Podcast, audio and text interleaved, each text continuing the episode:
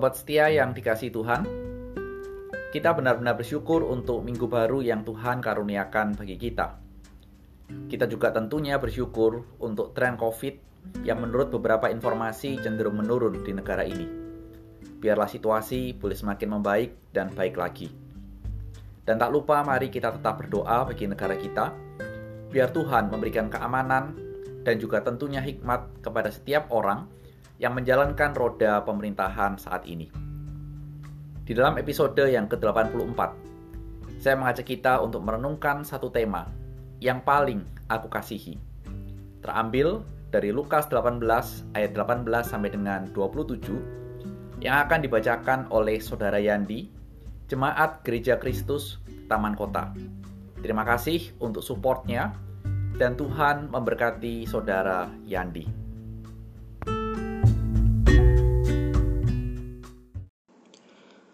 Lukas 18 ayat 18 sampai 27. Orang kaya sukar masuk kerajaan Allah.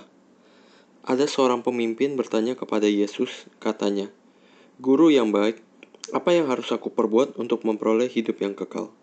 Jawab Yesus, "Mengapa kau katakan aku baik? Tak seorang pun yang baik selain daripada Allah saja. Engkau tentu mengetahui segala perintah Allah. Jangan berzina, jangan membunuh, jangan mencuri, Jangan mengucapkan saksi dusta, hormatilah ayahmu dan ibumu. Kata orang itu, semuanya itu telah kuturuti sejak masa mudaku. Mendengar itu, Yesus berkata kepadanya, Masih tinggal satu hal lagi yang harus kau lakukan. Jualah segala yang kau miliki, dan bagi-bagikanlah itu kepada orang-orang miskin. Maka engkau akan beroleh harta di surga. Kemudian datanglah kemari dan ikutlah aku. Ketika orang itu mendengar perkataan itu, ia menjadi amat sedih, sebab ia sangat kaya. Lalu Yesus memandang dia dan berkata, Alangkah suka, sukarnya orang yang beruang masuk ke dalam kerajaan Allah. Sebab lebih mudah seekor unta masuk melalui lubang jarum daripada seorang kaya masuk ke dalam kerajaan Allah. Dan mereka yang mendengar itu berkata, Jika demikian, siapakah yang dapat diselamatkan? Kata Yesus, apa yang tidak mungkin bagi manusia, mungkin bagi Allah.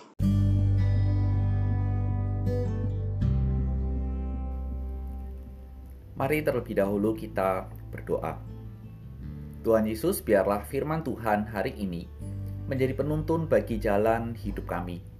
Demi Kristus, amin. Sobat setia, beberapa waktu ini muncul istilah Crazy Rich entah itu Surabaya atau Jakarta dan lain-lainnya di kanal YouTube. Istilah ini memberikan sebuah informasi bahwa orang-orang ini adalah orang-orang yang boleh dikatakan super kaya. Dan mereka juga melakukan beberapa kegiatan yang diunggah dalam kanal YouTube mereka sebagai konten. Saya tidak tahu bagaimana respon penonton yang melihat yang mencapai ribuan orang ketika mereka melihat kehidupan para Crazy Rich ini. Namun status Crazy Rich sering kali memacu orang yang paling tidak membuat orang itu ingin merasakan, ingin menjadi, ingin berada di dalam level kehidupan seperti mereka. Dan di dalam perikop yang baru kita baca, juga tercatat ada satu karakter yang dimunculkan oleh Lukas adalah seorang pemimpin. Kemudian telah menjalankan mayoritas tuntutan dari hukum Taurat. Benar-benar sebuah kehidupan yang luar biasa dan plus ditambah dengan catatan dia ternyata juga crazy rich sama seperti orang-orang yang tadi kita bahas. Kita tidak tahu latar belakang dari orang ini sehingga dia bisa menjadi seorang pemimpin. Entah dia merintis, entah dia langsung dipercaya, kita tidak tahu.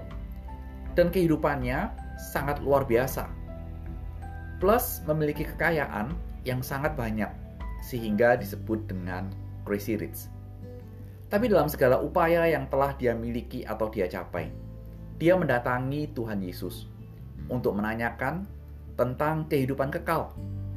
Seperti seruan tentang kerajaan Allah sejak awal dalam kitab Lukas, yang berisi tentang pertobatan dan kehidupan kekal, entah seruan itu membuat dia sadar atau semakin sadar, sehingga entah ingin memastikan bahwa yang telah dia hidupi adalah benar, atau bagaimana caranya, atau ingin mendapat sebuah konfirmasi langsung dari Tuhan bahwa dia telah melakukan hukum Taurat dan berharap Tuhan menjawab, "Itu cukup, dan engkau sudah mendapatkan hidup kekal." Ada banyak hal yang bisa kita gali dalam bagian ini. Tetapi kalau itu yang diharapkan oleh orang kaya ini ketika bertemu dengan Tuhan dan bertanya, maka jawaban Tuhan Yesus terhadap dia menjadi satu hal yang sebetulnya tidak dia harapkan. Kenapa? Karena ternyata Tuhan Yesus mengatakan, setelah dia melakukan begitu banyak hal yang dituntut oleh hukum Taurat, masih ada satu yang belum dia lakukan, dan itu harus dikerjakan. Yaitu apa? Tinggalkan semua hartamu, jual, bagi-bagi ke orang miskin, dan ikut Tuhan. Waduh, kalau kita baca cerita ini, ternyata orang kaya ini kaget ketika mendapat sebuah perintah atau respon dari Tuhan. Langsung dicatat oleh Lukas dalam ayat berikutnya. Dia sedih. Kenapa sedih? Hartanya sangat banyak, sangat kaya.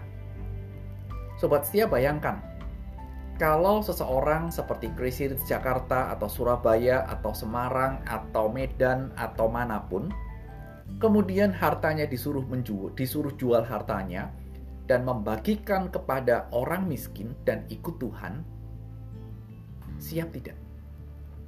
Secara logika dan kenormalan manusia sangat sulit dan sangat tidak mudah. Sangat sedikit dan mungkin secara normal orang tidak mau menjual harta ikut Tuhan. Satu hal yang juga tidak mudah dilakukan oleh orang kaya ini, sehingga boleh dikatakan orang kaya ini sedih dan gagal mengikut Tuhan. Dan mari kita gali. Ketika dia tidak bisa melakukan apa yang Tuhan perintahkan kepadanya, artinya yang telah dia lakukan dengan tidak mencuri, tidak berzina, tidak berkata dusta, dan lain sebagainya, juga gugur percuma. Karena apa? Karena dalam Yakobus pasal yang kedua ayat yang ke-10 dikatakan, Sebab barang siapa menuruti seluruh hukum itu tetapi mengabaikan satu bagian daripadanya, ia bersalah terhadap keseluruhannya. Jadi begitu banyak hal yang telah dia lakukan, tapi ada satu yang tidak bisa dia kerjakan, termasuk gagal. Dan kegagalan orang kaya itu mendapat sebuah respon dari Tuhan bahwa orang kaya sukar masuk kerajaan surga. Wah, ketika kita lihat kalimat ini, mungkin banyak orang yang mikir, "Waduh, lah kok begini?" Apakah kalimat ini memberikan sebuah petunjuk untuk mengikut Tuhan tidak boleh kaya, harus miskin?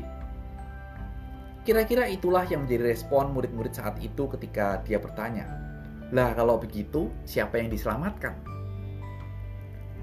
Sobat setia, dan mungkin kita pun saat ini berpikir, aduh Tuhan, aku baru merintis karirku, baru memulai jalanku untuk menjadi orang kaya. Susah kalau perintahnya seperti ini. Namun semua itu mendapat respon dari Tuhan ketika Tuhan menutup rangkaian dari cerita ini. Dengan sebuah konsep bahwa yang tidak mungkin bagi manusia, mungkin bagi Allah. Tuhan menegaskan mengenai keselamatan hidup kekal itu bukan karena kita bisa dan mau dalam mentaati hukum Taurat supaya kita diselamatkan. Tapi semua itu karena anugerah dari Tuhan.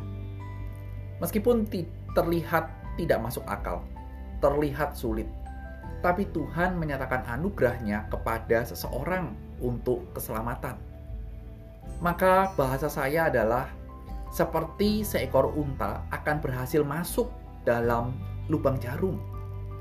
Itulah suatu anugerah yang Tuhan limpahkan kepada orang untuk diselamatkan. Apa artinya? Semua jadi bisa. Semua kemustahilan yang tidak mungkin menjadi mungkin dan bisa dilakukan. Sobat setia, sampai di sini nanti kita akan melanjutkan bahwa cerita ini akan berlanjut kepada cerita Sakeus menjadi satu hal yang menarik menjadi kelanjutannya. Tapi mari kita sekarang mengambil menjadi sebuah perenungan kita. Apa yang menjadi perenungan kita? Ketika Tuhan menuntut orang kaya menjual hartanya dan mengikut Dia, Tuhan memberikan tuntutan bahwa orang yang mengikut Dia harus menjalankan greatest commandment, yaitu apa? Mengasihi Tuhan Allahmu dengan segenap hatimu dan dengan segenap pikiranmu. Dan inilah yang gagal dilakukan, dipenuhi oleh orang kaya itu. Karena apa? Bahasa saya adalah hatinya mendua. Dia mengasihi Tuhan dan juga mengasihi uang. Ini adalah tuntutan dari Tuhan kepada orang kaya itu yang bertanya kepada dia dan juga kepada kita kita saat ini mungkin belum menjadi crazy rich. Mungkin sedang merintis, sedang menuju ke titik itu. Tapi apa pun situasi kita, setelah kita menerima anugerah keselamatan, sobat setia, renungkan ini, refleksikan ini. Apakah kita benar-benar mengasihi Tuhan Allah kita dengan segenap hati dan pikiran kita? Apakah hal ini yang paling aku kasihi? Apakah hal ini yang paling kita kasihi dalam hidup kita dan tak tergantikan oleh yang lain seumur hidup kita? Ini menjadi sebuah perenungan. Atau selama ini yang paling kita kasihi adalah uang. Dan itulah yang menjadi fokus kita sehingga hidup kita saat ini sedang berlomba dalam sebuah perlombaan menjadi crazy rich? Sobat setia yang dikasih Tuhan, selamat merenungkan dan kiranya firman Tuhan boleh menuntun kita untuk hidup dalam jalur yang Tuhan kehendaki. Selamat beraktivitas dan Tuhan menyertai. Amin.